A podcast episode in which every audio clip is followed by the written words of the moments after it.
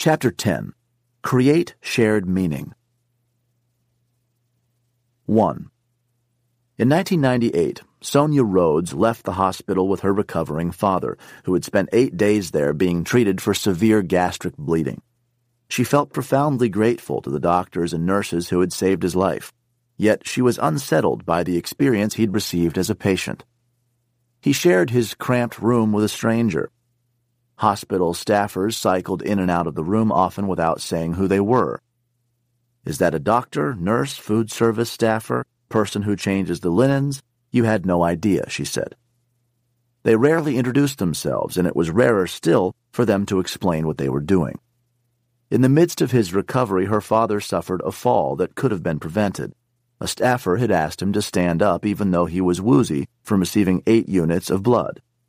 Rhodes originally wanted to be by her dad's side to comfort him, but instead she was forced to be his protector. I felt like as a family member I was there to guard him from all the people who were coming in. Who are you? What's in your hand? Most interactions with the hospital caregivers seemed to lack a basic human warmth. They treated my dad like he was this old, feeble person. I wanted to tell them he's a physicist and runs a company that makes satellites. The experience had a profound impact on Rhodes, and not just because she was the daughter of a patient. She was also an executive at Sharp Healthcare, the system that managed the hospital where her father was treated. Advertisements for Sharp raved about the quality of care that patients could expect. In fact, the phone number on the ads, the one patients would call to inquire about treatment, was manned by her own team. After her father's experience, she wondered, At Sharp, are we really who we say we are?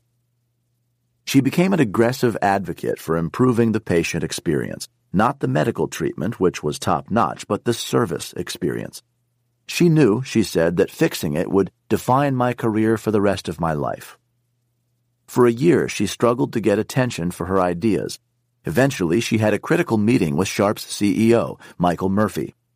Although Murphy had spent most of his career on the financial side of the business, he had an instinct that Rhodes was right, and he committed himself to transforming Sharp. Murphy challenged his team to learn everything they could about how to deliver world class service. Over a period of about eight months, beginning in the fall of 2000, a team of executives, including Murphy and Rhodes, traveled together visiting the stars of service experience the Ritz Carlton, Disney, General Electric, and Southwest Airlines. They consulted with experts, the Studer Group, and co authors James Gilmore and Joseph Pine, who wrote the seminal book The Experience Economy. One consistent theme from the visits surprised them. You can't deliver a great patient experience without first delivering a great employee experience. And Sharp's employee engagement scores were weak compared with the likes of Ritz and Southwest. Murphy and his executives had started the investigation focused narrowly on patients, but they now expanded their mission. They agreed on a new vision statement for Sharp to transform the healthcare experience and make Sharp the best place for employees to work the best place for physicians to practice, the best place for patients to receive care, ultimately the best healthcare system in the universe. They called this vision the Sharp Experience. How would they get people to take it seriously and not dismiss it as another flavor of the month management scheme? They considered a dog and pony show in which a team of executives, including Murphy, would visit all of Sharp's healthcare facilities and share the new vision. But they realized it would take a year, realistically and by the time we got to the 30th place, the first place won't believe us anymore, Rhodes said. Then someone suggested, why don't we bring everyone together? It seemed ludicrous. Sharp had 12,000 employees. There was no ballroom in San Diego that would fit all of them. And they could hardly put their patients' emergencies on hold for the sake of discussing how to care for them better. But the Sharp team kept talking and the answer took shape. They'd hold three separate sessions over two days, allowing them to fit comfortably in the San Diego Convention Center while maintaining a core staff at all facilities to ensure that patients were not kept waiting. The logistics were daunting. Among other things, they would need to secure practically every available rental bus in San Diego. In fact, they ended up bringing in buses from Los Angeles and even as far away as Arizona. On October 10, 2001, Sharp held its all staff assembly. The hallways were jammed with Sharp employees who had arrived via bus, trolley, train, and boat. Murphy was pacing backstage nervously. I'm not somebody who wants to go on a big stage, he said. But when he took the stage, he spoke candidly about the challenge ahead. This new journey will take courage, he said. We are charting a different course because we believe we must in order to be the best. He urged his team to recommit to the passion and purpose that had led them to work in healthcare. And above all, he challenged them to act, to take ownership of the mission. If we can take four steps in a process and reduce it to one, let's do it. If employees have great ideas for making something better, let's hear them. If a patient complains about something, let's make it a priority and fix it. Murphy shared the vision of the Sharp experience, creating the best place for employees to work, for physicians to practice, and for patients to receive care, and ultimately the best healthcare system in the universe. Some employees laughed at the audacity of the phrase, but his speech struck a chord.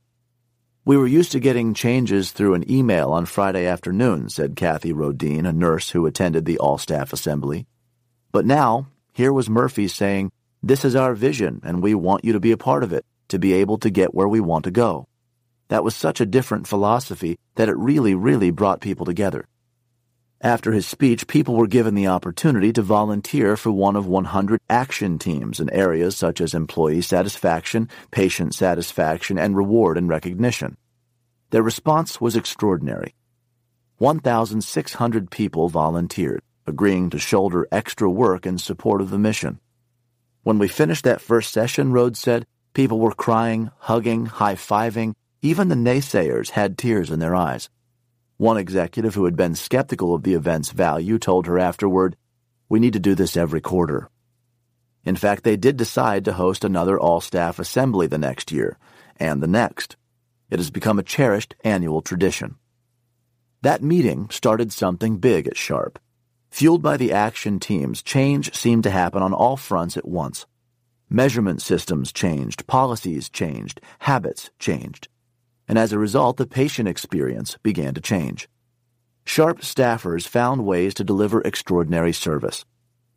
The landscaping crew had noticed that some patients didn't receive visitors or flowers, so they started pruning roses, putting the blooms in a small bud vase, and walking them into the patient's rooms. They called the program This Bud's for You. Caregivers were trained to greet patients, introduce themselves, and explain their roles, solving the problem that had frustrated Rhodes during her father's stay. At Sharp Coronado Hospital, departing patients received a loaf of banana bread baked with love.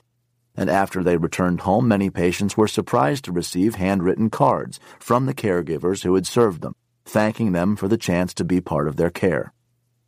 In the five years following the first all staff assembly, Sharp Hospital's unit patient satisfaction scores shot up in the national percentile rankings from as low as the teens to as high as the 90s. Physician satisfaction rose to the 80th percentile, employee satisfaction rose by 13%, and turnover declined by 14%. Net revenue increased by a half billion dollars. In 2007, Sharp won the Malcolm Baldrige National Quality Award, the nation's highest presidential honor for quality and performance excellence. In 2016, what would have been the 16th consecutive all staff assembly was canceled in the face of a threatened strike by the nurses' union. In the end, the strike did not happen. Two observations. One, a group of protesting nurses marched behind a banner reading, We are the Sharp Experience. One of their demands was higher wages in order to retain the senior nurses who they argued were the best at delivering the sharp experience. Our best assessment is that the threatened strike reflected standard negotiating tactics rather than a rethinking of what Sharp had become over the preceding 15 years. 2. Moments of meaning matter. We would have counseled the leadership team to do everything possible to continue with the all staff assembly, despite the possibility of the strike to treat it as sacred turf in the same way that countries at odds will still compete together at the Olympics. The assembly is a moment of shared purpose. The welfare of patients should trump even a major disagreement among Sharp's players. Did this transformation happen in a day at the convention center? Hardly. It took many years and the efforts of thousands of people, but the all staff assembly was the first defining moment of the change and it was a moment with a character unlike others we've encountered. In the last section, we saw that moments of pride come when you distinguish yourself as an individual.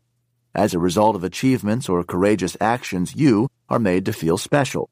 But for groups, defining moments arise when we create shared meaning, highlighting the mission that binds us together and supersedes our differences. We are made to feel united. How do you design moments that knit groups together? Sharp's leaders used three strategies creating a synchronized moment, inviting shared struggle, and connecting to meaning. We'll explore all three and how they can be applied to groups ranging from religious devotees to lifeguards to janitors. 2. Think of the last time you laughed in a group. Why were you laughing? The answer is pretty obvious because someone said something funny. Actually, that obvious answer is mostly wrong. The researcher Robert Provine and three assistants roamed around college campuses and city sidewalks, eavesdropping on conversations. When someone laughed, they jotted down what was said just before the laugh. Provine found that fewer than 20% of the comments that sparked laughter were even remotely funny.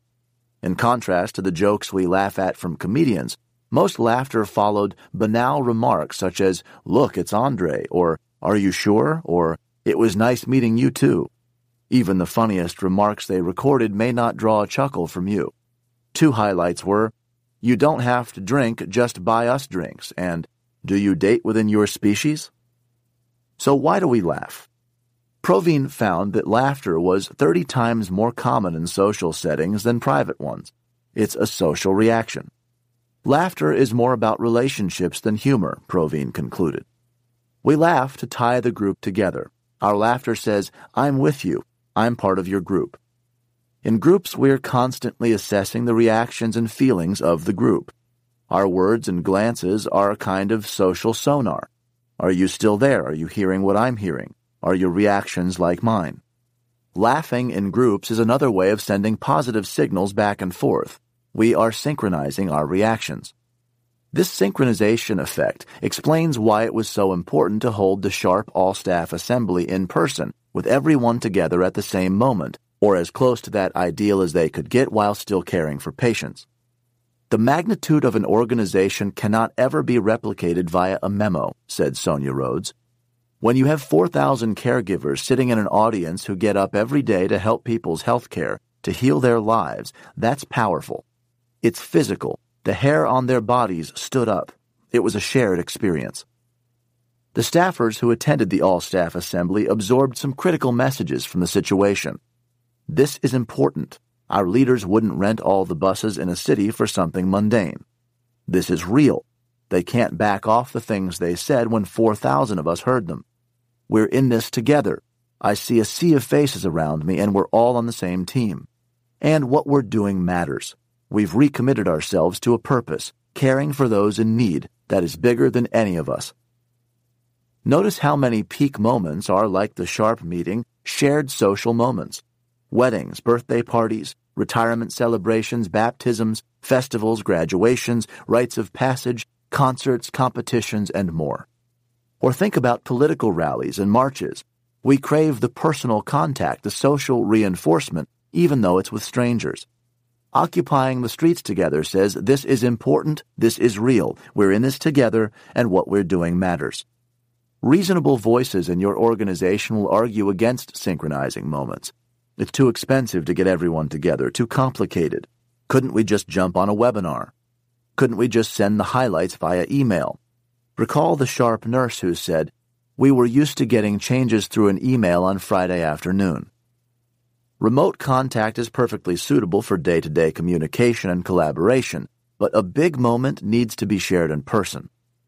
No one dials in to a wedding or graduation, after all. The presence of others turns abstract ideas into social reality. 3. The anthropologist Dimitris Xygalatas studied two rituals performed as part of the Hindu festival of Thaipusam on the island of Mauritius. In the milder, low ordeal ritual, devotees prayed and chanted for several hours inside and outside a Hindu temple. In the high ordeal ritual, devotees engaged in body piercing with multiple needles and skewers, carrying heavy bamboo structures and dragging carts attached by hooks to the skin for over four hours before climbing a mountain barefooted to reach the temple of Murugan. Afterward, Xygalatas and his team offered both sets of people, low and high ordeal devotees, 200 rupees, about two days' salary, to complete a questionnaire. Once they received the money, they were presented an opportunity to donate anonymously to the temple. The low ordeal devotees donated an average of about 81 rupees. The high ordeal devotees were substantially more generous, giving an average of 133 rupees, or two thirds more than the low ordeal group. More interesting still was the behavior of a third group of people, high ordeal observers, people who had walked alongside the struggling high ordeal followers but hadn't suffered physical hardship themselves. They were even more generous, giving an average of 161 rupees, or 80% of everything they received for the survey. The researchers concluded that perceived pain increases prosociality, or voluntary behavior to benefit others. They argued that extreme rituals, and specifically the shared experience of pain, can be seen as social technology to bind in groups together. Such extreme rituals are at the far end of a spectrum that has at its opposite end corporate ropes courses, which simulate danger in order to spark bonding within work teams. On the surface, these experiences seem markedly different. One is horrific and psychologically unbearable, and the other is a sacred religious ritual. What they share is struggle. If a group of people develops a bond quickly, chances are its members have been struggling together. One study found that when strangers were asked to perform a painful task together, in one case submerging their hands in tubs of ice water to perform a sorting task, they felt a greater sense of bonding than did strangers who had performed the same task in room temperature water. And this bonding happened even though the task was pointless. Fraternity hazing is a good example of a pointless and painful bonding ritual. Imagine the bonding that emerges among people who struggle together at a task that means something. Activists fighting to protect a forest from clear cutting, startup co founders scrambling to meet the next payroll, religious missionaries in a distant part of the world enduring daily rejection in the service of their faith. What's the practical lesson here? Should we foist hardship on our employees for the sake of creating defining moments? Not quite. But it's worth observing that people will choose to struggle, not avoid it or resist it, if the right conditions are present. The conditions are the work means something to them, they have some autonomy in carrying it out, and it's their choice to participate or not. Those are the conditions that Sharp honored in calling for volunteers to join action teams to improve the patient experience. The work was meaningful, serving patients better. The teams were given autonomy, often entrusted to formulate the health systems policies in a certain domain. Participation was voluntary, and volunteer they did. 1,600 people came forward. A mass movement of people willing to struggle together. If you want to be part of a group that bonds like cement, take on a really demanding task that's deeply meaningful. All of you will remember it for the rest of your lives. 4. To create moments of connection, we can bring people together for a synchronizing moment. We can invite them to share in a purposeful struggle. The final strategy centers on connecting them to a larger sense of meaning. In many organizations, our daily obligations, the emails, the meetings, the to-do lists, can numb us to the meaning of our work. And that sense of meaning can be the difference between a great performer and a mediocre one. In his forthcoming book, Great at Work How Top Performers Work Less and Achieve More, University of California Berkeley professor Morten Hansen surveyed 5,000 employees and managers to understand the makeup of star performers. Among other findings, he discovered 17% of the employees completely agreed with this statement. What I do at work makes a strong contribution to society beyond making money. These people with a strong sense of meaning tended to have the highest performance rankings by their bosses. In his research, Hansen also explored the distinction between purpose and passion. Purpose is defined as the sense that you are contributing to others, that your work has broader meaning. Passion is the feeling of excitement or enthusiasm you have about your work. Hansen was curious which would have the greater effect on job performance. He grouped employees into categories. For instance, people who were low on passion and low on purpose were ranked by their bosses on average at the 10th percentile of performance. That's lousy, but not too surprising. If you are unenthusiastic about your job and feel it lacks meaning, you're not likely to overachieve. The opposite was true as well. When people had high passion and high purpose, they were stars. Again, pretty predictable. But what if employees were strong on only one trait, passion or purpose? Who would perform better, the passionate or the purposeful? Let's start with the passionate. People who were passionate about their jobs, who expressed high levels of excitement about their work, were still poor performers if they lacked a sense of purpose. The outcome is clear. Purpose trumps passion. Graduation speakers take note. The best advice is not pursue your passion, it's pursue your purpose. Even better, try to combine both. Passion is individualistic. It can energize us but also isolate us because my passion isn't yours. By contrast, purpose is something people can share. It can knit groups together. How do you find purpose? Yale professor Amy Wrzesniewski, who studies how people make meaning of their work, said that many people believe they need to find their calling, as though it were a magical entity that exists in the world waiting to be discovered. She believes purpose isn't discovered, it's cultivated. Organizational leaders should learn to cultivate purpose, to unite people who might otherwise drift in different directions, chasing different passions. Purpose can be cultivated in a moment of insight and connection. Consider a study of lifeguards conducted by Adam Grant of Wharton. At a community recreation center in the Midwest, Grant divided 32 paid lifeguards into two groups. The first group, the personal benefit group, read four stories that described how other lifeguards had benefited down the road from the skills they acquired on the job. The second group, the meaning group, read four stories about other lifeguards rescuing drowning swimmers. The difference between the two groups was striking. The meaning group of lifeguards voluntarily signed up for 43% more hours of work in the weeks following the intervention. The stories had increased their interest in the work. Furthermore, the lifeguard supervisors, who did not know which set of stories the lifeguards had read, were asked to assess their helping behavior in the weeks that followed. Helping behaviors were defined as actions taken voluntarily to benefit others. The meaning group's helping behavior increased by 21%. Meanwhile, there was no increase in helping behavior or hours worked by the personal benefit group. Keep in mind, these differences in behavior were produced by nothing more dramatic than a 30 minute session in which the lifeguards read four stories and talked about them. Truly a small cap's defining moment, but its impact was real.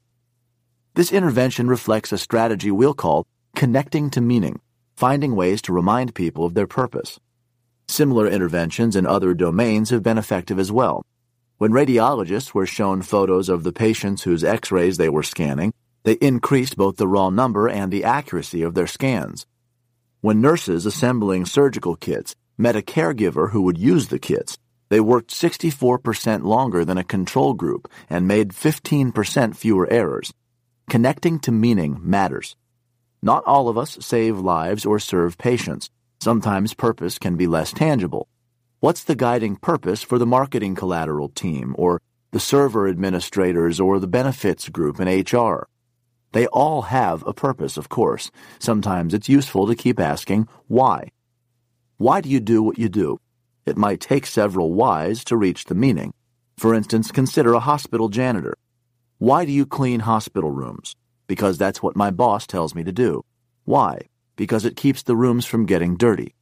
Why does that matter? Because it makes the rooms more sanitary and more pleasant. Why does that matter? Because it keeps the patients healthy and happy. You know you're finished when you reach the contribution. Who is the beneficiary of your work and how are you contributing to them? The janitor is making a contribution to the health and happiness of patients. The marketing collateral team might be making a contribution to the confidence and success of the field sales team. The benefit staffers might be making a contribution to the financial security and peace of mind of their fellow employees. When you understand the ultimate contribution you're making, it allows you to transcend the task list. A hospital janitor's task list, for instance, is pretty concrete sweep, mop, scrub, sanitize, repeat but understanding the purpose of the work allows for innovation and improvisation. One hospital janitor studied by Amy Wrzesniewski made it a point to strike up small talk with any patient who seemed to crave conversation. The janitor had realized that many patients had no one to talk to. That's purpose. Combating patient loneliness was not part of his task list, but it heightened the contribution he was making to patients' health and happiness. A sense of purpose seems to spark above and beyond behaviors. At Sharp, as we saw, once employees had been reconnected with the meaning of their work, they began to push beyond their job descriptions to create extraordinary moments for patients. One patient with cancer was undergoing her fifth or sixth trial of chemotherapy, but she was not responding. She wanted to throw her pregnant daughter in law a baby shower, but knew she would never make it out of the hospital before the baby was born. So the staff arranged for her to throw the shower at the hospital. They reserved a nice jade garden for her and encouraged her to decorate and organize the space as she liked. One of the last memories that her daughter in law will have is that before her mother in law died, she gave her a baby shower that she had planned, said Deborah Behrens, manager of acute care at Sharp Memorial Hospital. This was a remarkable moment for the patient, but imagine what it felt like for the staffers who made it happen. They came home that day feeling exhausted but fulfilled. We did something that mattered today. That's a moment of shared meaning. It instills not the pride of individual accomplishment, but the profound sense of connection that comes from subordinating ourselves to a greater mission. After the all staff assembly in San Diego, after the shared laughter in the office, after the religious ritual in Mauritius, after the baby shower in the Jade Garden, people are connected tightly together as they realize that what they're doing is important and urgent and bigger than any of them. Chapter 11 Deepen Ties 1. Stanton Elementary School in Washington, D.C. was a bad school. It was the worst elementary school in one of the worst districts in the country, so it may have been the worst school in the country, said Susan Stevenson, former executive director of the education focused Flamboyan Foundation. In 2010, the school had performed so poorly that the district decided to reconstitute it, dismissing its principal and administrative team in order to start fresh. In June, 28 year old Carly John Fischerow was tapped to lead the turnaround. She was sobered by what she saw as she walked the halls concrete cinder block walls, massive heavy doors, grates on the windows, depressing stairwells, inadequate lighting, and everywhere a horrible shade of yellow paint like dirty teeth yellow. One teacher hired by Fischerow said, It didn't remind me of a school at all. It reminded me of one of those sad orphanage stories. Remodeling would have to wait.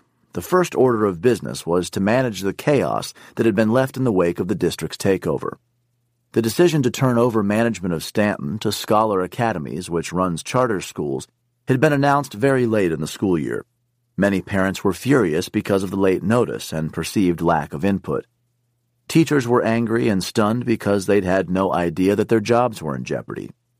Fischerow understood their anger, but she had very little time to soothe frustrations because she had to make quick staffing decisions. During the last week of school, her team interviewed all the teachers and staff who worked at Stanton. The interviews, which took place in the school library, were frequently interrupted by kids rocking bookshelves, calling each other names, picking up chairs, and threatening to throw them at other kids, said Fischerow. In the end, the school's new leadership team retained only nine of the school's 49 employees. Once the new staff was on board, the team overhauled the depressing school environment, scrubbing it clean, lowering the ceilings for better sound, doubling the hallway lights, hanging college pennants and inspirational banners everywhere, and adding some fresh Kelly green paint. When Stanton students walked through the door on the first day of school in fall of 2010, they walked into what was effectively a new school. It had a new principal, a new staff, a new curriculum, and a new paint job. Fischerow and her team were confident that even in a year's time, they could make a big difference for their students. But shortly after classes began, they realized just how hard the turnaround would be. In the first week of school, Fischerow was introduced to a new term elopement which referred to students leaving their classrooms without permission. Elopement was epidemic at Stanton. Many classrooms at the school had two swinging doors like a Western saloon, and Fischerow said kids would walk out one side and back in the other, They'd circle in and out of their classrooms all day long, into the hallway, to the dark stairwells, down to the cafeteria, into the gym. The staff could not get control over the school. An astonishing 321 suspensions were enforced during that first year, with many of those going to the same subset of misbehaving students. 28% of all the students were classified as truant, meaning they had missed 10 or more days of school without an excuse. The year was crazy. It was like being in the trenches. We felt like we were in battle, said Fisherow. None of their plans were working. As one observer said of Stanton during the 2010 2011 school year, the school went from really bad to worse. Then, midway through the year, Fisherow fell down the stairs at school and broke her leg. By the spring, we were ready to do anything, said Fisherow. We were desperate to do something different. When you're down and out, you're open to all sorts of ideas. Looking for solutions, Fisherow met with a representative from the Flamboyan Foundation, a family foundation focused on improving schools. Flamboyan was known for its emphasis on family engagement, encouraging parents to play a more active and supportive role in their children's education. Fisherow knew that this was a weak spot at Stanton. You can paint and put in lighting and college pennants and bring in a great team, but if there's not trust with the people you're serving, it doesn't matter, she said. There was a history of mistrust between parents and teachers in the D.C. school system. Susan Stevenson, the Foundation's executive director, convened focus groups with 150 families from across the district. What we learned was really disheartening, she said. The parents thought teachers were ineffective and indifferent, just there to collect a paycheck. Many of the parents had attended D.C. public schools themselves, and they were often bitter about their own educational experience. Teachers felt the parents didn't seem to value education. They rarely showed up to events at school. It was tough to get them to show up for a parent teacher conference about their own child. Meanwhile, the parents had concluded essentially the opposite. They perceived the teachers as uninterested in their kids, so it didn't seem worth the time to attend events or meetings. Stevenson had learned of a program in Sacramento, California that was designed to boost parental involvement. It had shown promising results in early tests, and she wanted to pilot the program in D.C. with a handful of schools. Fisherow said that we basically begged Flamboyan to take us on as a pilot school. Late in the school year, Fisherow called together the faculty to hear how the pilot program would work. She was nervous. My staff was tired, really tired at that point. A two hour training on a Thursday night, I thought, there's no way this is going to go well. At the meeting, the Foundation's advisors unveiled the activity that would be at the heart of their plan a home visit in which teachers would go to see parents before the next school year started to talk about their children. The concept of a home visit was not unfamiliar to the teachers. Many charter schools, for instance, require home visits. But often the goal of these home visits is to ask parents to sign a contract in which they pledge to support their kids in certain ways. The Flamboyan Foundation's approach to home visits was quite different. The teachers were forbidden to bring any paper to the visits, no contracts to sign, no information to review. Their role was simply to ask questions and listen to the answers. Those questions were prescribed for them.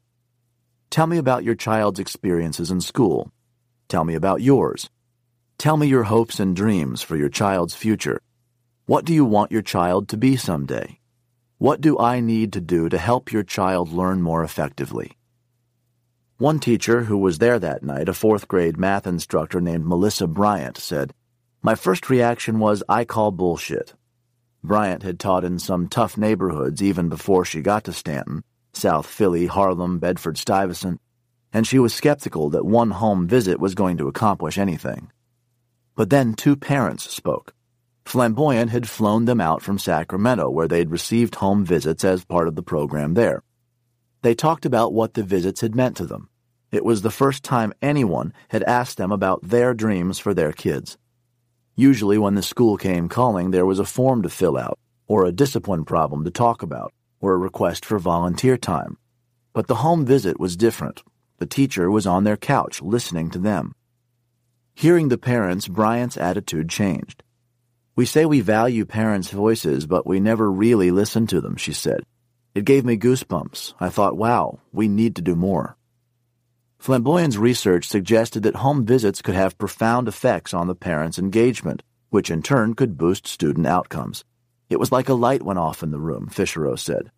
We thought this can have a huge impact and we can do this. About 15 teachers agreed to conduct home visits that summer. The early progress was slow, parents were skeptical at first, but then a positive buzz about the visits began to spread around the community. Parents were wanting visits, Bryant said. You'd hear them saying, Did you get a home visit? I got a home visit. One teacher was stopped on the street by a parent who was annoyed that she hadn't had her home visit yet. On the first day of school in the fall of 2011, the vibe at Stanton was palpably different. For one thing, many of the students already knew their teachers' faces and names. They'd seen them in their own living rooms talking to their mothers. And that basic familiarity and trust resulted in better behavior. One day, an issue in the cafeteria resulted in about 100 students having to line up on the stairs. The previous year, there would have been pandemonium. This year, there was silence and order. Our school felt like a school instantaneously, Fisherow said. I could not believe that it had worked so fast. The true jaw dropping moment, though, happened a month into the school year at the annual back to school night. The parents were invited to come to the school, meet their kids' teachers, and see their classrooms. Usually, Bryant said the parent participation was underwhelming. Every year, not just at Stanton, but at every school I've ever been in, that was just a day to clean my room. Nobody shows up except for the same three parents, and you've already talked to them because they come to everything. Only 25 parents had shown up the previous year. This year, optimistic that the family visits would make a difference, the staff set up 50 seats in the auditorium. Fifteen minutes before the program was supposed to begin, all 50 seats were full, so they added another 100. In 10 more minutes, to their amazement, all those seats filled up too. The faculty had been sitting, so they vacated their seats to make room for more parents. When Fisherow finally took the stage to welcome the crowd, it was standing room only. More than 200 parents had come to the school. There was a moment where all of us looked at each other, said Bryant. We felt like we were in the twilight zone. The astonishing moments continued, one after another. Attendance at parent teacher conferences spiked from 12% of parents the previous year to 73% in 2011 2012. Truancy dropped from 28% to 11%. Academic performance improved too.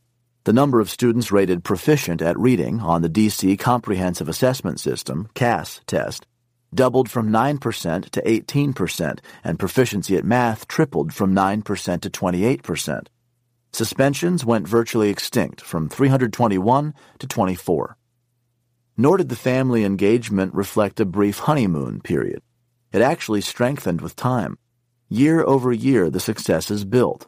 More home visits, more parental participation, better behavior, higher test scores. By the 2013 2014 school year, Stanton's CAS proficiency scores had climbed to 28% in reading and 38% in math. A typical third grader in Washington, D.C. might spend seven hours per day in school across a calendar of 180 school days. That's 1,260 hours of school time. The impact of a one hour home visit should have been hopelessly diluted. Yet that one hour made a difference that rippled across the whole year. That's a defining moment.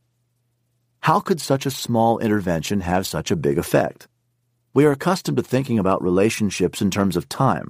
The longer the relationship endures, the closer it must grow. But relationships don't proceed in steady, predictable increments. There's no guarantee that they will deepen with time. When you and your uncle make the same small talk every Thanksgiving, it's not a surprise that 10 years later, you don't feel any closer. Conversely, have you ever met someone and felt instantly that you liked and trusted them? What we'll see is that if we can create the right kind of moment, relationships can change in an instant. That's what happened at Stanton, and it can happen in other relationships at work and at home. What is it about certain moments that deepens our ties to others? 2. The social psychologist Harry T. Reis has spent his career studying that mystery. In 2007, he published a provocative paper called Steps Toward the Ripening of Relationship Science. It's a modest title for what is, in reality, an attempt to climb a kind of academic Everest. Reis challenges his fellow researchers to work toward a universal theory to explain relationships. Why do some relationships endure while others crumble? Why does intimacy develop between some partners and not others? What, in short, is the circuitry of a successful relationship? Reis presents his candidate for the central organizing principle of relationship science, a concept that could tie together the vast and scattered research literature. It can be captured in one sentence. Our relationships are stronger when we perceive that our partners are responsive to us. The term used frequently is perceived partner responsiveness. Responsiveness encompasses three things understanding, my partner knows how I see myself and what is important to me. Validation, my partner respects who I am and what I want. Caring, my partner takes active and supportive steps in helping me meet my needs. Notice how much of the recipe is about attunement. We want our partners to see us the way we see ourselves, and we want them to accept us and to help us get what we want. It's incredibly selfish, frankly, me, me, me. It's reciprocal selfishness, actually, since our partner expects the same. What does non responsiveness look like? You walk in the door distraught and your partner doesn't even notice. Anti understanding. When you describe a new interest or passion, your partner seems uninterested or dismissive, anti validation. In a situation where a hug or a soothing comment would go a long way, you get a blank face, anti caring. Non responsiveness is corrosive. It deprives us of our individuality. We're not seen or treated as special. For another example of non responsiveness, look no further than your teenager. You say something and your teen either doesn't notice or seems not to be able to translate your clear instructions into coherent action, anti understanding. When you try to clarify what you're asking for, the teen rolls his eyes, anti validation. In a situation where a neutral, okay, got it would go a long way, you get the summary statement, whatever. Whatever is anti everything. Studies show that responsive treatment leads infants to feel secure and children to feel supported. It makes people more satisfied with their friends, and it brings couples closer together.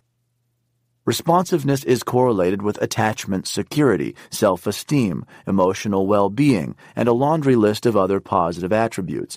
Even healthier levels of diurnal cortisol, which sounds like a Harry Potter spell, but is actually a stress hormone. When we ask what made the home visits at Stanton Elementary School so effective, the answer is simple responsiveness. Take a second look at those four questions that the teachers asked the parents. Tell me about your child's experiences in school. Tell me about yours. Understanding. Tell me your hopes and dreams for your child's future. Validation. What do you want your child to be someday? Validation. What do I need to do to help your child learn more effectively? Caring. Remember that the Flamboyan Foundation forbade the teachers to bring documents to the visits. Now it's clear why. Generic documents are depersonalizing. Here's the same pamphlet we're handing to everyone. Responsiveness is not compatible with a canned agenda. Reis was right about the vast reach of the responsiveness concept. In the business world, the Gallup organization has developed a set of questions to assess employees' satisfaction at work. Gallup has found that positive responses to the questions are associated with almost all the goals a typical manager would care about. The employee's engagement, retention, productivity, and profitability, even the satisfaction of the organization's customers. Gallup discovered that the six most revealing questions are these and notice that the final three of them might as well have been penned by Reis himself. 1. Do I know what is expected of me at work? 2. Do I have the materials and equipment I need to do my work right? 3. Do I have the opportunity to do what I do best every day? 4. In the last seven days, have I received recognition or praise for good work? Validation. 5.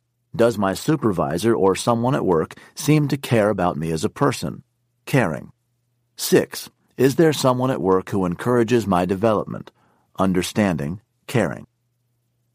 Remember Keith Reisinger, the sales manager who coached Bob Hughes on better listening and later awarded him the Bose headphones to celebrate his progress? He's a good example of a responsive manager. He pays attention to his team members, invests time in them, and recognizes their successes. As the Gallup research suggests, responsiveness matters as much at work as it does at home. The concept has similar potency in the healthcare system. Responsiveness is becoming an expected part of patient care. Health systems around the world, such as Sharp from the last chapter, have made more respectful treatment of patients an institutional priority. The Institute for Healthcare Improvement, IHI, a nonprofit best known for its life saving work reducing errors and infections in hospitals, has in recent years led the charge for patient centered care. The former CEO of the IHI, Maureen Bisignano, had a personal connection to the topic. Bisignano, the oldest of nine siblings, had a younger brother named Johnny. He was handsome and smart, and as a teenager, he loved his side job as a ball boy for the Boston Celtics. When he was 17, he was diagnosed with Hodgkin's disease.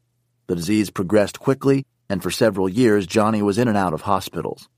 Maureen visited often, and she remembers the parade of doctors through his room. They'd speak over him and about him, but almost never to him, she said.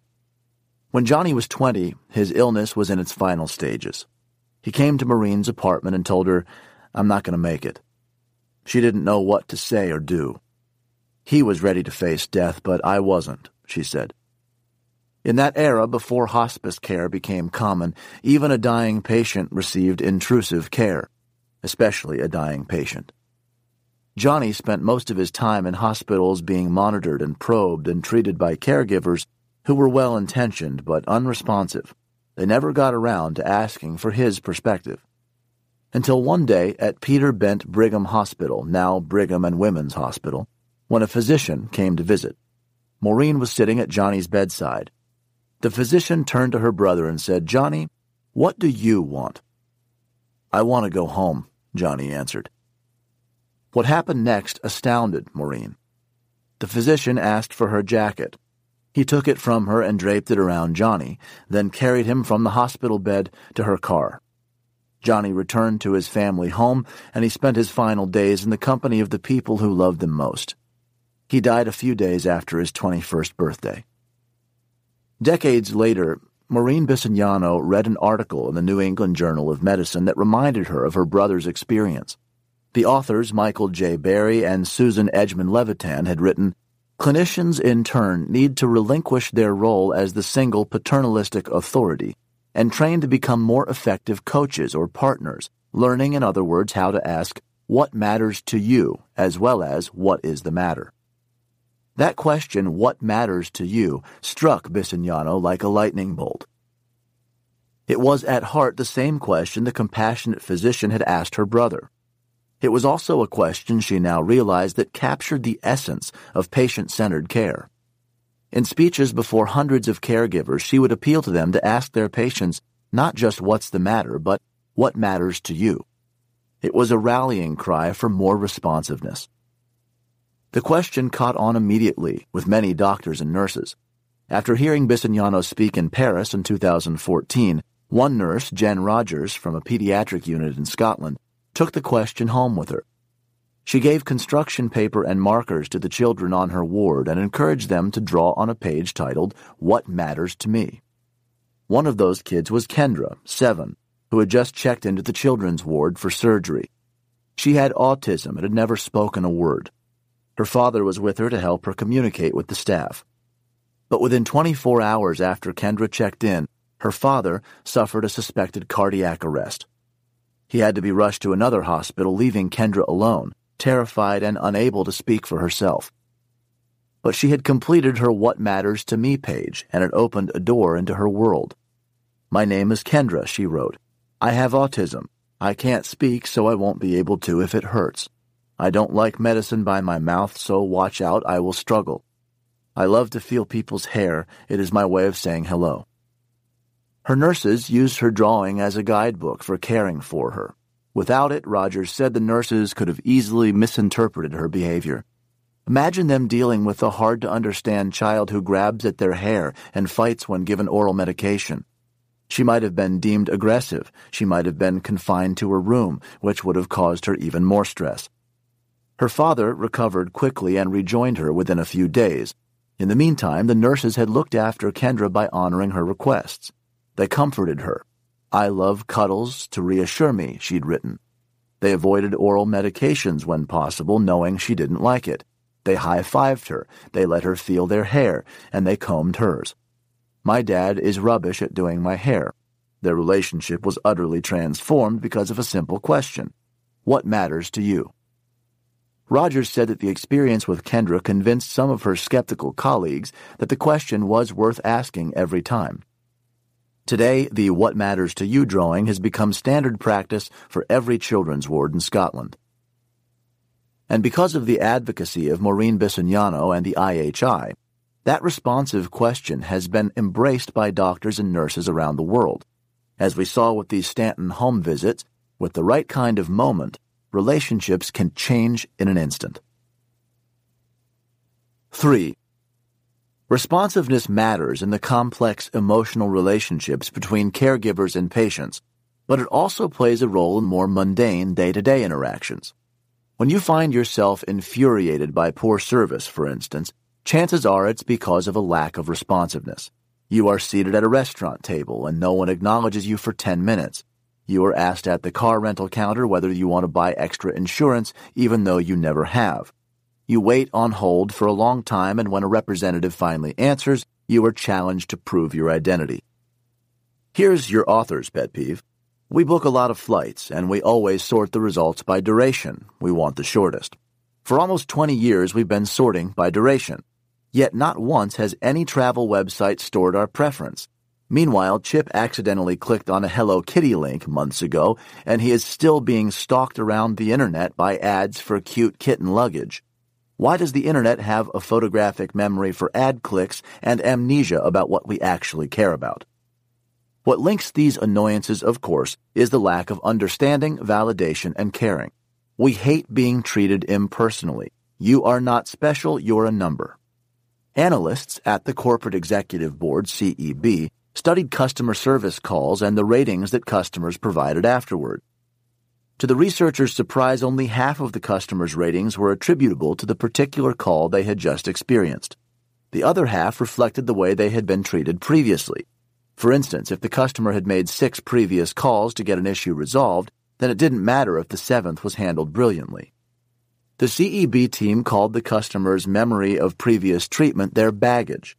Most call center reps had the instinct to avoid the customer's baggage. If they saw in the records that the customer had been passed around a lot, they wouldn't mention it. Why bring it up? It's like pouring salt on the wound, they figured. Better just to resolve the issue as quickly as possible. So the CEB ran a set of studies on the art of baggage handling. At one call center, the researchers assigned reps at random either to ignore customer baggage or to address it. For instance, let's say that a customer had called repeatedly about battery problems with a new tablet computer. Compare the responses of the reps. Baggage ignoring rep number one. Thanks for your purchase. I understand that you are having a problem with the battery. Let's start from the beginning by going to the settings section of your tablet to make sure that you are not using any feature that is draining your battery more quickly than normal. Baggage handling rep number two. Thanks for your purchase. I understand that you are having a problem with the battery. Hmm. According to our system, it looks like you've called several times about this. Is that right? Okay, thanks. Can you tell me what you have tried already and what has or has not worked to help preserve the battery life? Then we can take it from there instead of repeating stuff you've already tried. Baggage handling is responsive. It demonstrates understanding and validation of a customer's frustrating past experience. And the effect it had on calls was stunning. Customers rated the quality of their experience with rep number two almost twice as highly as the other, and their perceptions of the effort they had to invest to resolve the problem plummeted by 84%. In his landmark paper on responsiveness, Harry Reis had set out to explain a central organizing principle of relationships his primary focus was on what makes personal bonds stronger. But we've seen the broad reach of the principle. It can explain not just what makes partners happier in a marriage, but also what makes employees feel noticed and valued, what makes patients feel respected in their treatment, and even what makes customers satisfied with a support call. If we want more moments of connection, we need to be more responsive to others. 4. Responsiveness doesn't necessarily lead to intimacy. The baggage handling phone reps were responsive after all, but there weren't any tearful goodbyes at the end of the call. When responsiveness is coupled with openness, though, intimacy can develop quickly. Here's how it happens. One person reveals something and waits to see if the other person will share something back. The reciprocity, if it comes, is a sign of understanding, validation, and caring. I've heard you, I understand and accept what you're saying, and I care for you enough to disclose something about myself. An unresponsive partner, like a seatmate on a flight who puts on his headphones shortly after you make a comment, terminates the reciprocity, freezing the relationship. This turn taking can be incredibly simple. In one study conducted at a bus stop, a researcher approached strangers with one of two canned comments. The low intimacy comment was, Well, my day is over. How about yours? The high intimacy comment shows how easy it can be to initiate the cycle of turn taking. All the researcher had to say was, I'm really glad this day is over. I've had a really hectic day. How about you? That's the high intimacy comment. On that scale, a handshake would probably be X rated. Even so, that tiny bit of self disclosure sparked significantly more intimate comments in return. Experimenter, I'm really glad this day is over. I've had a really hectic day. How about you? Subject, young woman. No, I had a great day. Experimenter, you had a great day? Subject, oh, a beautiful day. I went out with someone I really liked, so I had a great day.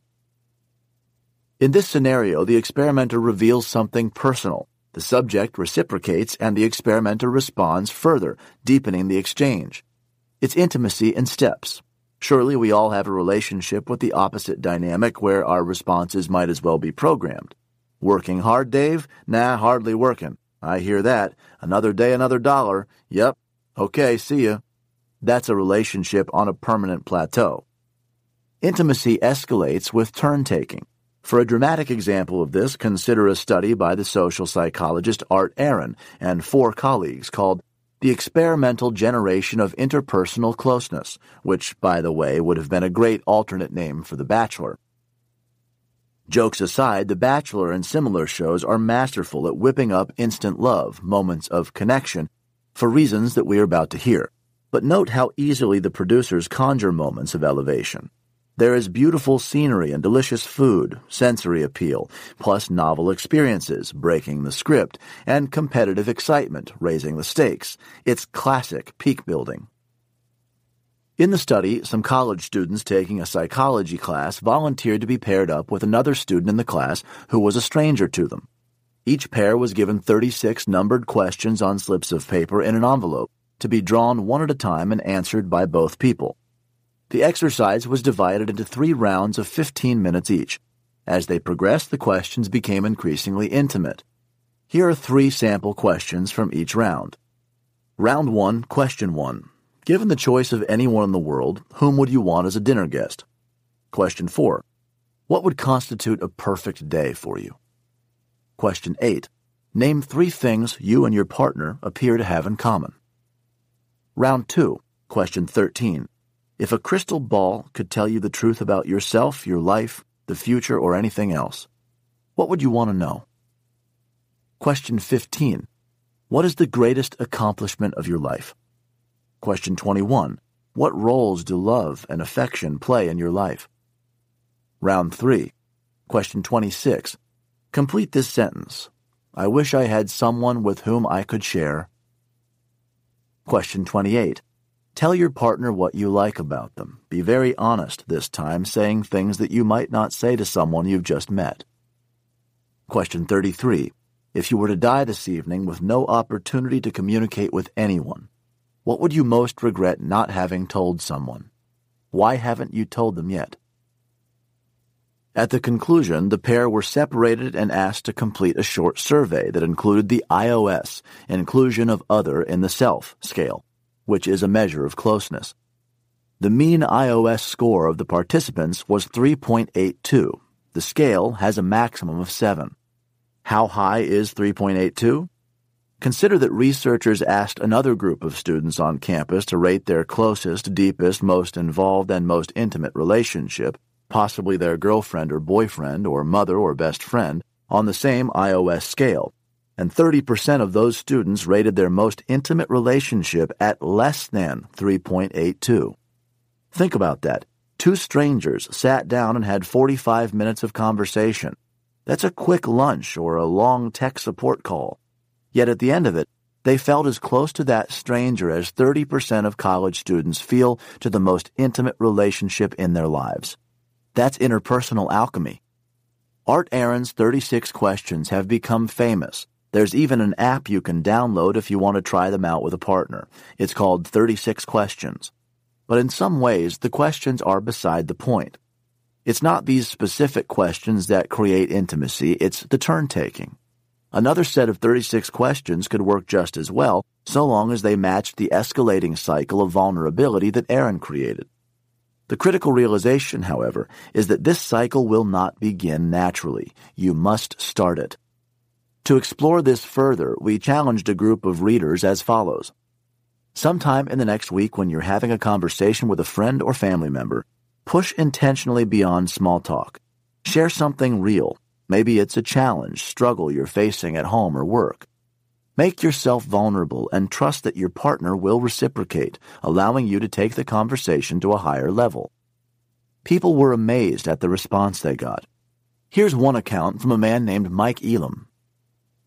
I had a conversation with a fellow manager at the office that started as a project update meeting, but I did go deeper than the project with the discussion. Prior to this meeting, we were strictly peers at work and really knew very little about each other beyond our roles at the company. I found that she was actually relocating to the Phoenix area later this year and would be continuing to work on the project remotely. The reason for the relocation was health issues with her spouse. We then talked about those issues because he has multiple sclerosis and was having issues getting around in the winter here and in their multi story house, so they decided to move. Then we discussed the trials and tribulations with getting their current home ready to sell and the process of packing to move, etc. The first question didn't need to be too deep or personal, but it was like peeling an onion, where we were going just slightly deeper on each exchange, and when finished, we had moved quite a bit. The exercise totally changed the dynamics of my work discussions and relationship with this person. Relationships don't deepen naturally, in the absence of action, they will stall. As Elam said, we were strictly peers at work and really knew very little about each other beyond our roles at the company. That's a frozen relationship. But as we've seen, acting with responsiveness to others can create tighter bonds. Bonds between teachers and parents, doctors and patients, call center reps and customers, colleagues at work, and even strangers in a lab experiment. And those bonds can continue to strengthen with astonishing speed. A defining moment of connection can be both brief and extraordinary. Moments of Connection, the Whirlwind Review. 1. Moments of connection bond us with others. We feel warmth, unity, empathy, validation. 2. To spark moments of connection for groups, we must create shared meaning. That can be accomplished by three strategies. 1. Creating a synchronized moment. 2 inviting shared struggle, and three, connecting to meaning. Sharp's recommitment to the customer experience had all three elements one, the all staff assembly, two, the voluntary action teams, and three, a call for dramatic improvements in the way customers were cared for. 3. Groups bond when they struggle together. People will welcome a struggle when it's their choice to participate, when they're given autonomy to work, and when the mission is meaningful. Xygalatas's study of religious devotees concludes that the shared experience of pain can be seen as social technology to bind in groups together. 4. Connecting to meaning reconnects people with the purpose of their efforts. That's motivating and encourages above and beyond work. Hansen's research, when it comes to performance, strong purpose trumps strong passion. 5. In individual relationships, we believe that relationships grow closer with time, but that's not the whole story. Sometimes long relationships reach plateaus, and with the right moment, relationships can deepen quickly. Fisherow and her team turned around the troubled Stanton Elementary School by relying in part on short parent teacher home visits before the start of school. 6. According to the psychologist Harry Reis, what deepens individual relationships is responsiveness, mutual understanding, validation, and caring. Stanton's teachers showed responsiveness by listening to parents' hopes for their kids. In healthcare, caregivers are switching from the question, What's the matter? to What matters to you? Baggage handling customer service reps validate customers' past experiences. 7. Responsiveness coupled with openness leads to intimacy. It happens via turn taking. Art Aron's 36 questions experiment leads total strangers to become intimate in 45 minutes. Clinic 5. How can you combat the silo mentality? The situation.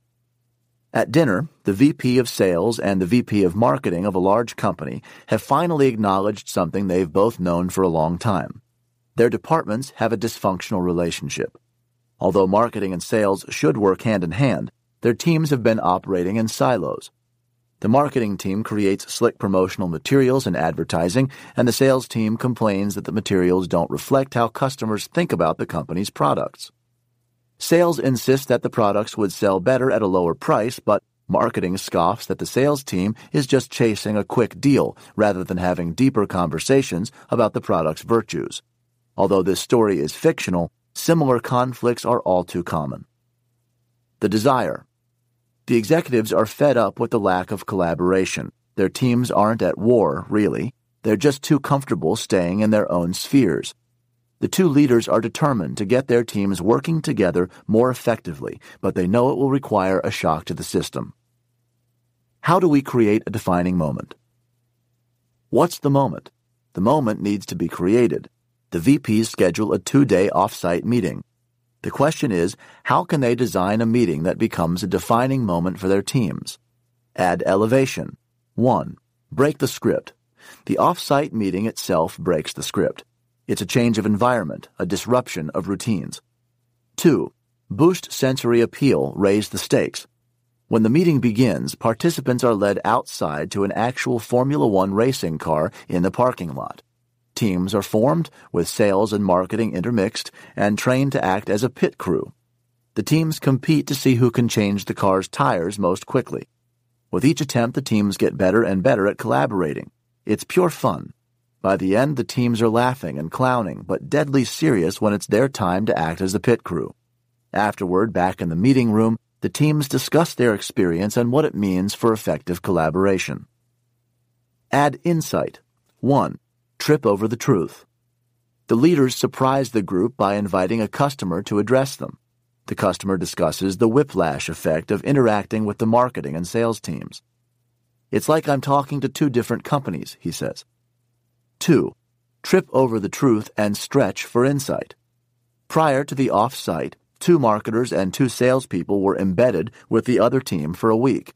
Then, at the off-site meeting, they share what they learned. The marketers embedded in sales present what marketing doesn't understand about sales, and their counterparts present what sales doesn't understand about marketing. Add pride. 1. Recognize others. The departments have not worked well together in general, but there have been exceptions. The people who made those bright spots happen are given a Team Chemistry Award, a pack of Mentos and a jug of Diet Coke. If that combo seems puzzling, Google it. After the meeting, the two VPs keep a supply of Mentos and Diet Coke stashed in their offices so they can give out more awards spontaneously when their teams earn it. 2. Practice courage. One reason why the sales and marketing teams don't collaborate is that their communication tends to be passive aggressive. They are polite to each other when they're face to face. Later, they complain to their colleagues and drag their feet. So at the offsite, people practice crucial conversations. The session is such a hit that the term crucial conversation becomes a kind of inside joke. Back at the office, people will often approach each other by saying, Could we have a crucial conversation? But it's only half joking since the humor diffuses the difficulty of starting the discussion. 3. Multiply meaningful milestones. The two teams set goals for themselves, moments they will celebrate. The moments they choose include 1 the first time a sales staffer trades more emails in a week with the marketing team than with the sales team. 2. The first time someone from either group lobbies for the other to get more resources. And 3. The first time someone solves a problem for the other team. Add connection. 1. Note that many of the activities already discussed would be effective at creating connections, including the pit crew experience, the embed presentations, and the crucial conversations practice. Often the same moment will include more than one element of a defining moment. 2. Create shared meaning.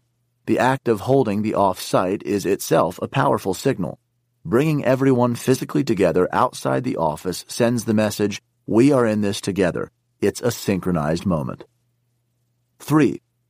Create shared meaning. At the conclusion of the meeting, the executives challenged their teams to collaborate on a plan for approaching an important client prospect. They must formulate the plan and present it to the two vice presidents in two hours. It's a difficult mission, but it's precisely the difficulty that helps to bond the team members to each other. Final reflections. The two things we want to highlight about this case. 1. Creating a moment is critical in a complex political situation like this. The moment is a demarcation point where you announce, before this retreat, we were siloed. After this retreat, we commit to working together. The shared context gives the goal social momentum. If I behave badly, you can call me on it because you know that I know I committed to do better. 2. The reason many people hate meetings is that emotion is deliberately squeezed out participants sit and listen to programmed presentations. But this is a choice, not an inevitability. You can just as easily conduct a meeting that has drama, meaning, and connection. You cannot bring two teams together by simply talking about unity. They must experience unity. That's what makes it a defining moment. Chapter 12 Making Moments Matter 1. Once you realize how important moments can be, it's easy to spot opportunities to shape them. Take a high school student waiting for her college admissions decisions. Years ago, the decisions would arrive in the mail. Now, they're as likely to come via email. But her emotions are the same. When the moment comes, her stomach churns. She takes a deep breath, opens the letter, and scans frantically for key words and phrases, and there it is the sweet word congratulations. She lets out a shout of delight and reads it again, seven times. That's a great moment of pride and elevation, but let's be honest, the university deserves very little credit for making the moment matter. A letter, an email, that's the best they can do.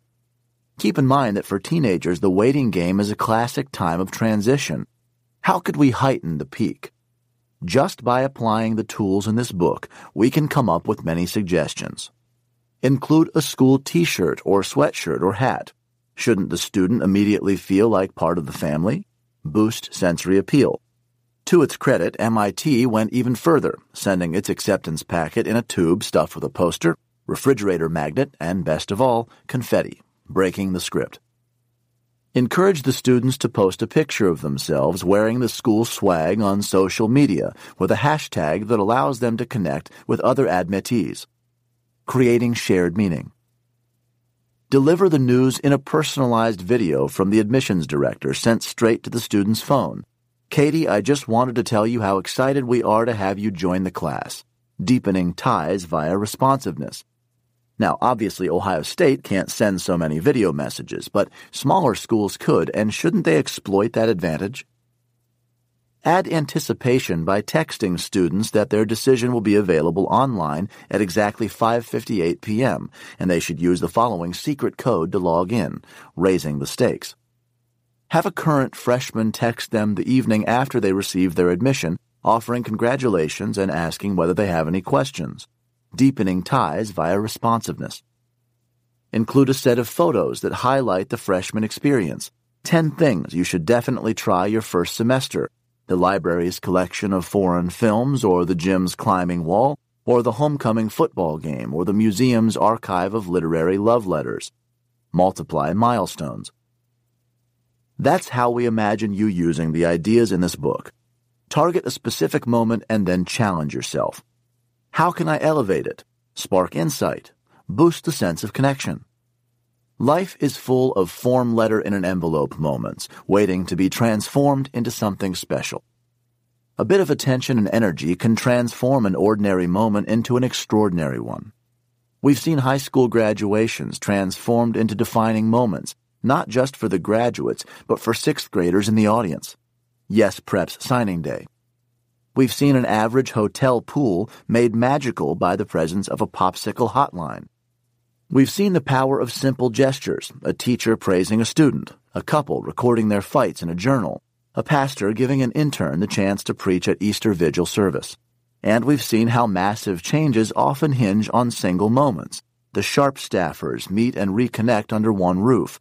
Stanton teachers visit parents in their homes and really listen to them for the first time.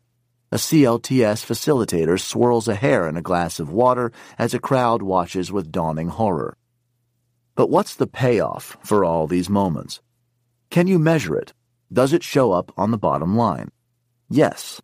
Think of all the tangible outcomes that have been created by better moments more revenue, Forrester Data, Southwest Airlines, greater customer satisfaction and loyalty, Magic Castle, more motivated employees, data on recognition, more effective employees, purpose versus passion, and also many payoffs more personal in nature, more happiness, gratitude visits, closer relationships, responsiveness, self transformation, Cinderella ugly duckling moments in school, stretching for insight.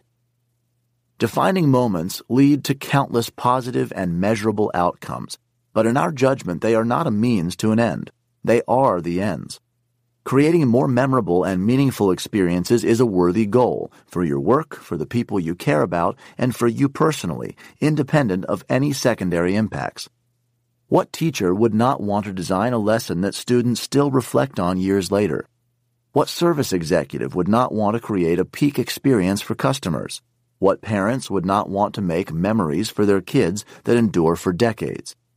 Our good intentions to create these moments are often frustrated by urgent seeming problems and pressures. School administrators harp on the upcoming state assessment so the teacher stops planning his special lesson and teaches to the test. Some customers complain about a pothole, so the manager shelves the peak moment she is considering and scrambles to respond. In the short term, we prioritize fixing problems over making moments, and that choice usually feels like a smart trade off. But over time, it backfires. Bronnie Ware, a palliative care nurse who served patients for the final weeks of their lives, wrote a moving article called Regrets of the Dying. She shared the five most common regrets of the people she had come to know. 1. I wish I'd had the courage to live a life true to myself, not the life others expected of me. Most people had not honored even a half of their dreams, and had to die knowing that it was due to choices they had made, or not made. 2. I wish I hadn't worked so hard. 3.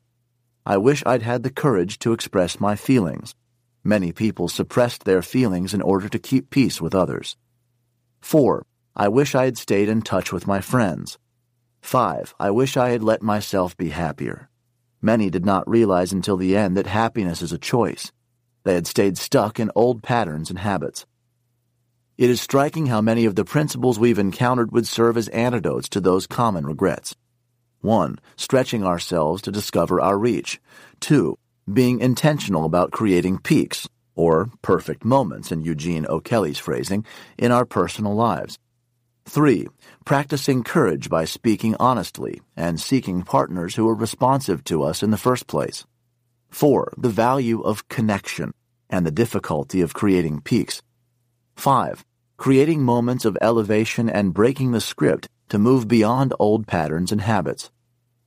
Ware's patients were people who would let the demands of the present interfere with their hopes for the future.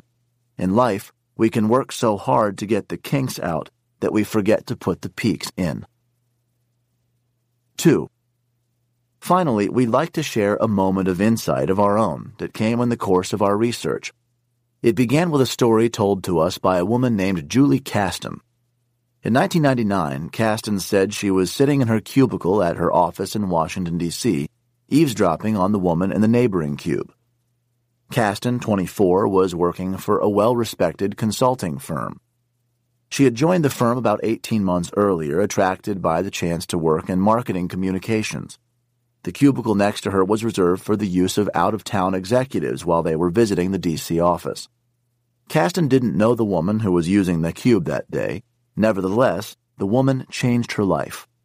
She was smartly attired, blue pantsuit, well tailored, polished.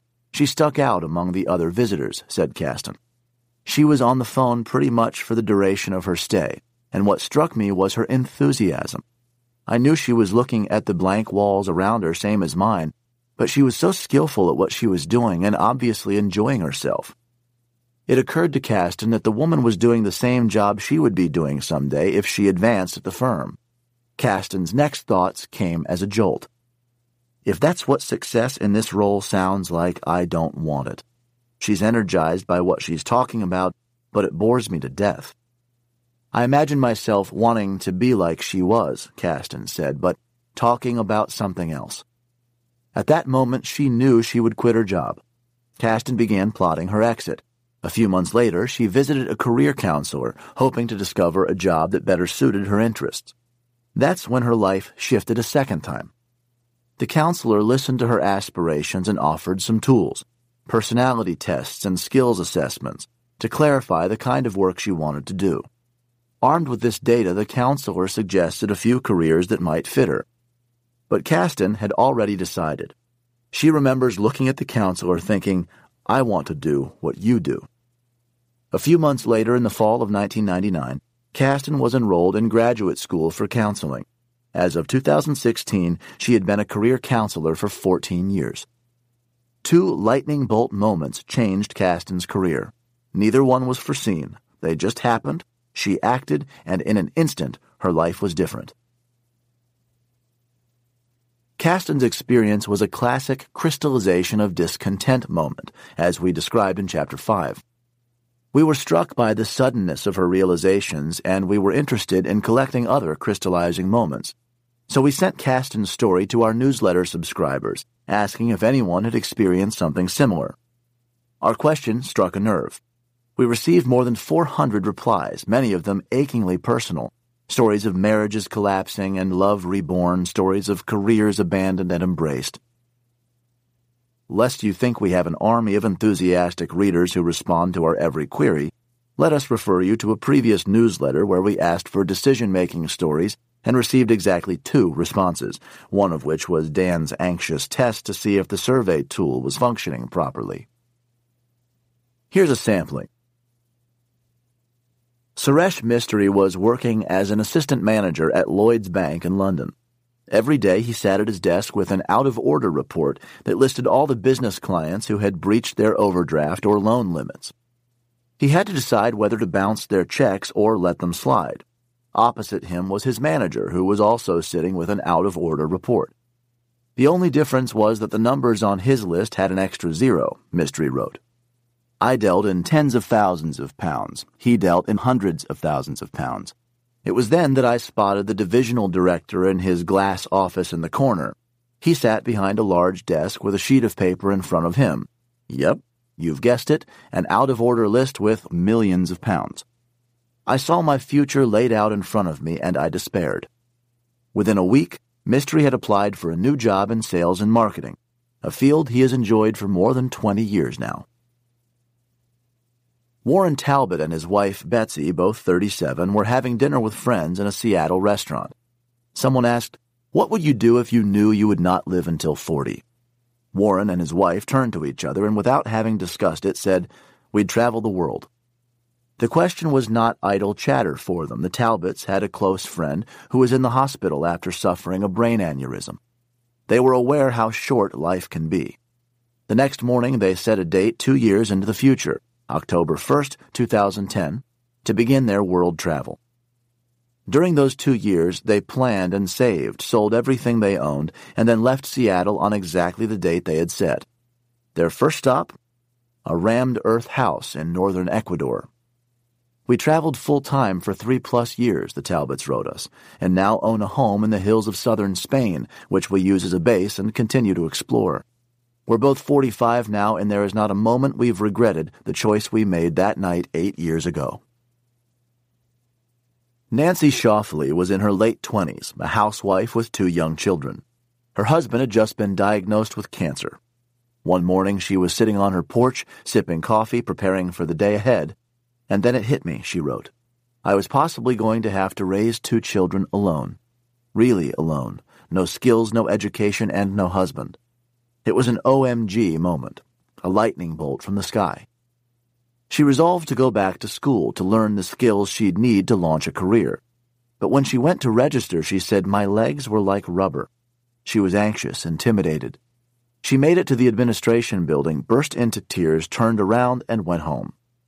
When I got home and walked in the door, the first thing I saw was my two year old daughter playing with her dad. I remember asking myself that hard question how I could ever encourage my daughter to be more if I couldn't even register for one college course. I turned around and went back to the school. She finished college and graduate school, started a business, sold it, and now advises female business owners and entrepreneurs.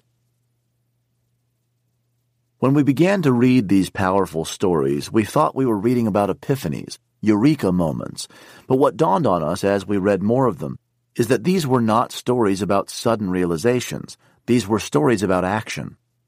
Julie Caston visited a career counselor. Suresh Mistry applied for a new job. Warren Talbot and his wife set a date to travel the world. Nancy Schauffele turned around and went back to register for college. Often, what looks like a moment of serendipity is actually a moment of intentionality. What Caston, Mistry, and the others experienced as the shock of an insight was actually, we came to believe, the whiplash caused by realizing they could act and then willfully jolting their lives in a new direction. They were not receiving a moment, they were seizing it. And that's a critical distinction. Some defining moments are orchestrated, but many other moments we've encountered are plunged into. Some hotel staffers discover a little boy has left behind his stuffed giraffe and decide to do something special for him. A man decides to push past small talk with his coworker and realizes how much they have in common. A mentor chooses to stay all night with his psychiatric intern who has witnessed a tragedy. This is what we hope you take away from this book. Stay alert to the promise that moments hold. These moments do not need to be produced. Yes, we examined some moments that took a lot of time and money to plan the sharp all staff assembly, signing day, the trial of human nature, and yes, it often takes real effort to elevate a moment properly. It matters that the trial was held in a courtroom and not in the school cafeteria. But keep in mind, these are once a year events. Many of the moments in this book, though, are free and unproduced the kinds of moments that arise every day. You compliment a colleague on the way she handled a client emergency, recognize others. You ask your children at the dinner table, What have you failed at this week? Stretch for insight. You and a colleague decide to meet after work for a cupcake. Break the script. The most precious moments are often the ones that cost the least. In June 2007, Darcy Daniels' three year old daughter, Wendy, came down with a stomachache. A doctor in the rural Vermont town where they lived discovered she had a severe E. coli infection, which triggered an escalating progression of health threats. Her kidneys failed and she spent weeks on dialysis. Horrible stomach aches led to a portion of her colon being removed, twice.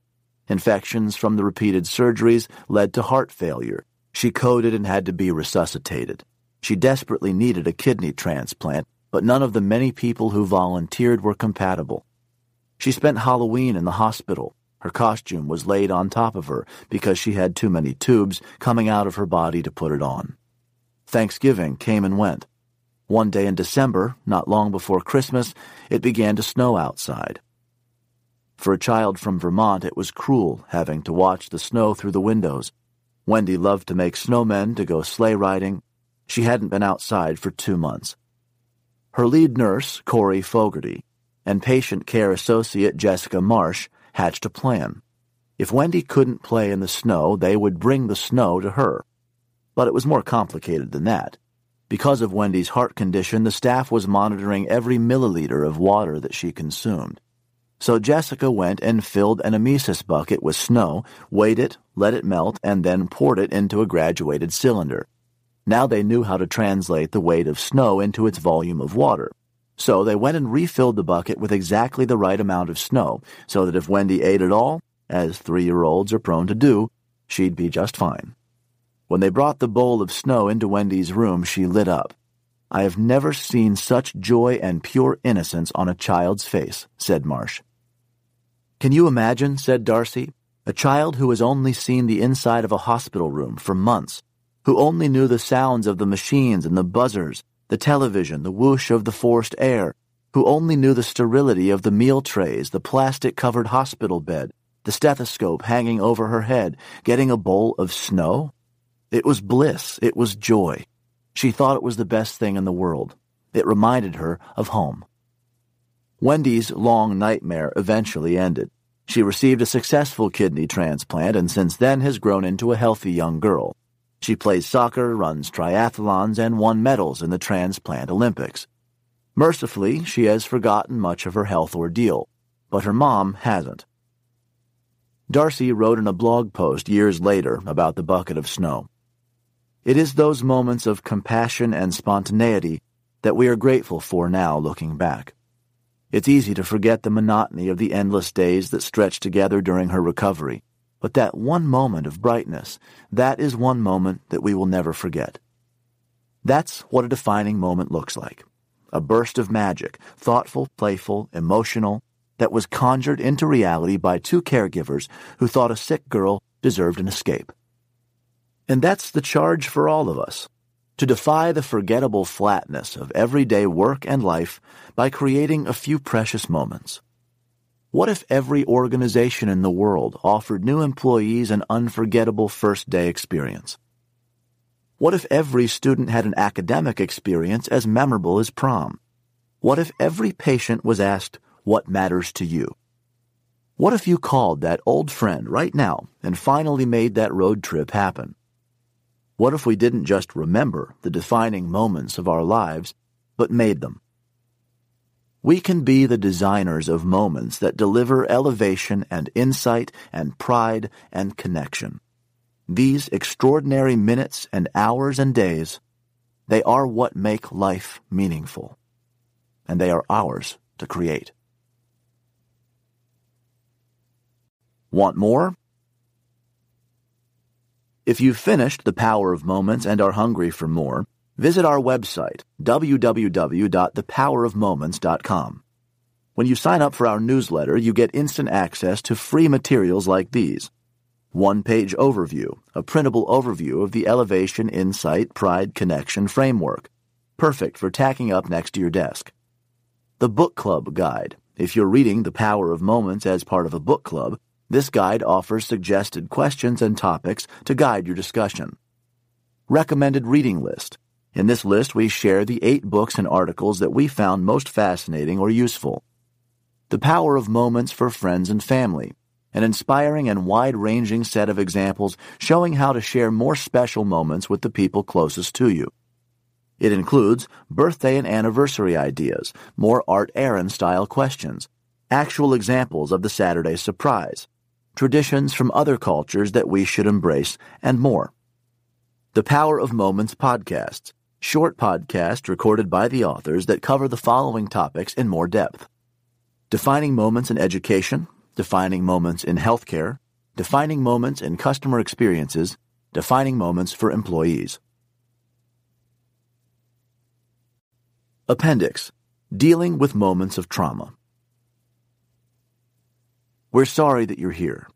Whatever you're facing, know that there are other people who have walked in your shoes, and their experiences can give you reasons to hope, even in the midst of trauma. Moments of trauma cause profound pain and hardship.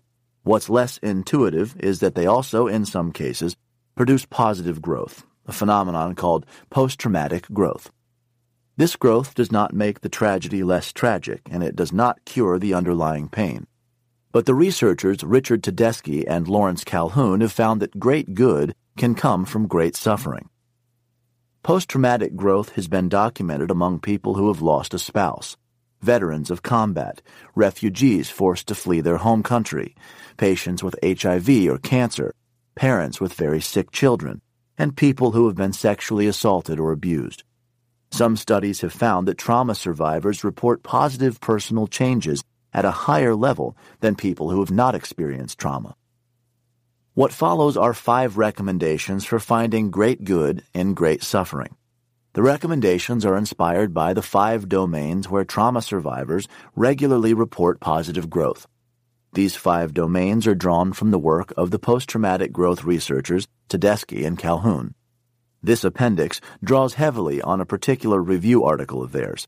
All quotations come from the review article. Look for small peaks. People who have experienced trauma often report that they have a greater capacity to enjoy small things in life that previously they might have ignored. A beautiful garden, a strong cup of coffee, a morning with a child. Hamilton Jordan, former presidential advisor to Bill Clinton, said, After my first cancer, even the smallest joys in life took on a special meaning. Watching a beautiful sunset, a hug from my child, a laugh with my wife Dorothy. That feeling has not diminished with time. After my second and third cancers, the simple joys of life are everywhere and are boundless as I cherish my family and friends and contemplate the rest of my life, a life I certainly do not take for granted. Geology professor Sally Walker, who survived an airline crash that killed 83 others, said, When I got home, the sky was brighter. I paid attention to the texture of sidewalks. It was like being in a movie. Now, everything is a gift. In Chapter 3, we tell the story of Eugene O'Kelly, who was diagnosed with terminal brain cancer and told he had three months to live. In response, he began to create a series of perfect moments he could share with loved ones. For instance, enjoying a nice meal and strolling afterward through Central Park. He marveled how these special moments allowed him to live a month in a week. Celebrate and honor relationships.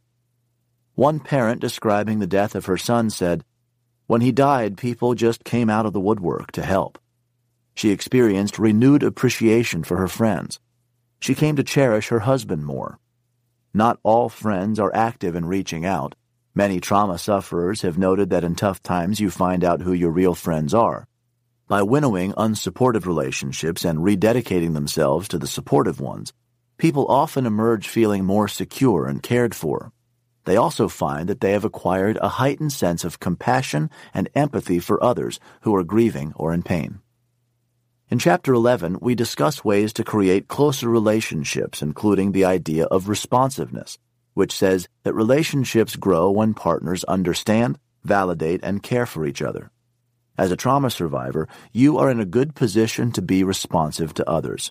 You can understand what other trauma sufferers are going through, and you are in a position to validate their thoughts and reactions because you have grappled with tragedy. You can provide loving support in ways that might be more challenging for others. For example, many parents who have lost a child find that their friends eventually stop mentioning the child, fearing that the mention might trigger painful memories. But parents who have lost a child know that the child is never far from mind. So making a comment like, Mark would have loved this vacation or football game or new car, is more likely to be received as thoughtful and warm rather than reopening an old wound. Acknowledge your strength. A bereaved parent said, I can handle things better. Things that used to be big deals just aren't big deals anymore. People use the trauma as a test of their capacity to stretch, endure hardship, and persevere. Many said, if I can handle this, then I can handle just about anything. In Chapter 6, we share the story of a young psychiatrist, Michael Deneen, who blamed himself for the suicide of a patient that happened on his watch.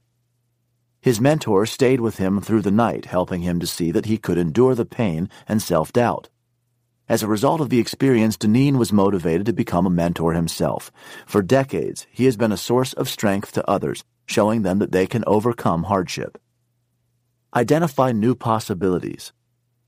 Individuals who are enduring trauma sometimes find themselves identifying new possibilities for their lives. New work, new passions, new paths.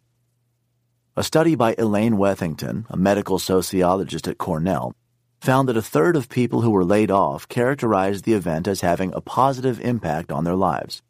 And almost 45% of people who had a serious illness said the same. This is not to deny the experience of the two thirds of people who said being laid off had a negative impact, but some people find that when one door closes, another opens. Look for spiritual insight.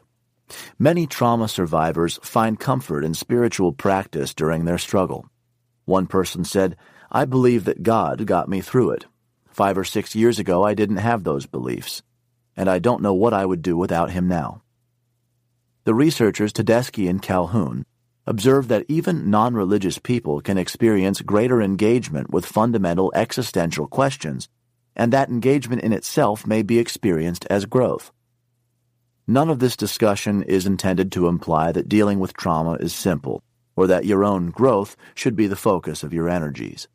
A quote from Rabbi Harold Kushner, who lost a child, captures what it means to welcome growth while wishing it had never happened. I am a more sensitive person, a more effective pastor, a more sympathetic counselor because of Aaron's life and death than I would ever have been without it.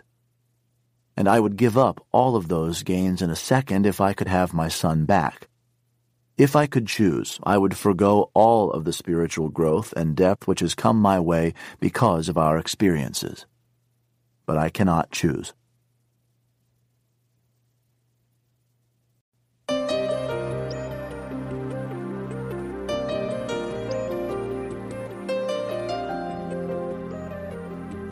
The Power of Moments Why Certain Experiences Have Extraordinary Impact was written by Chip and Dan Heath and read by Jeremy Bobb.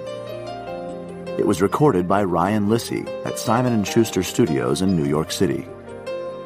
Editing and post-production by Danny Meltzer. The associate producer was Aaron Larson.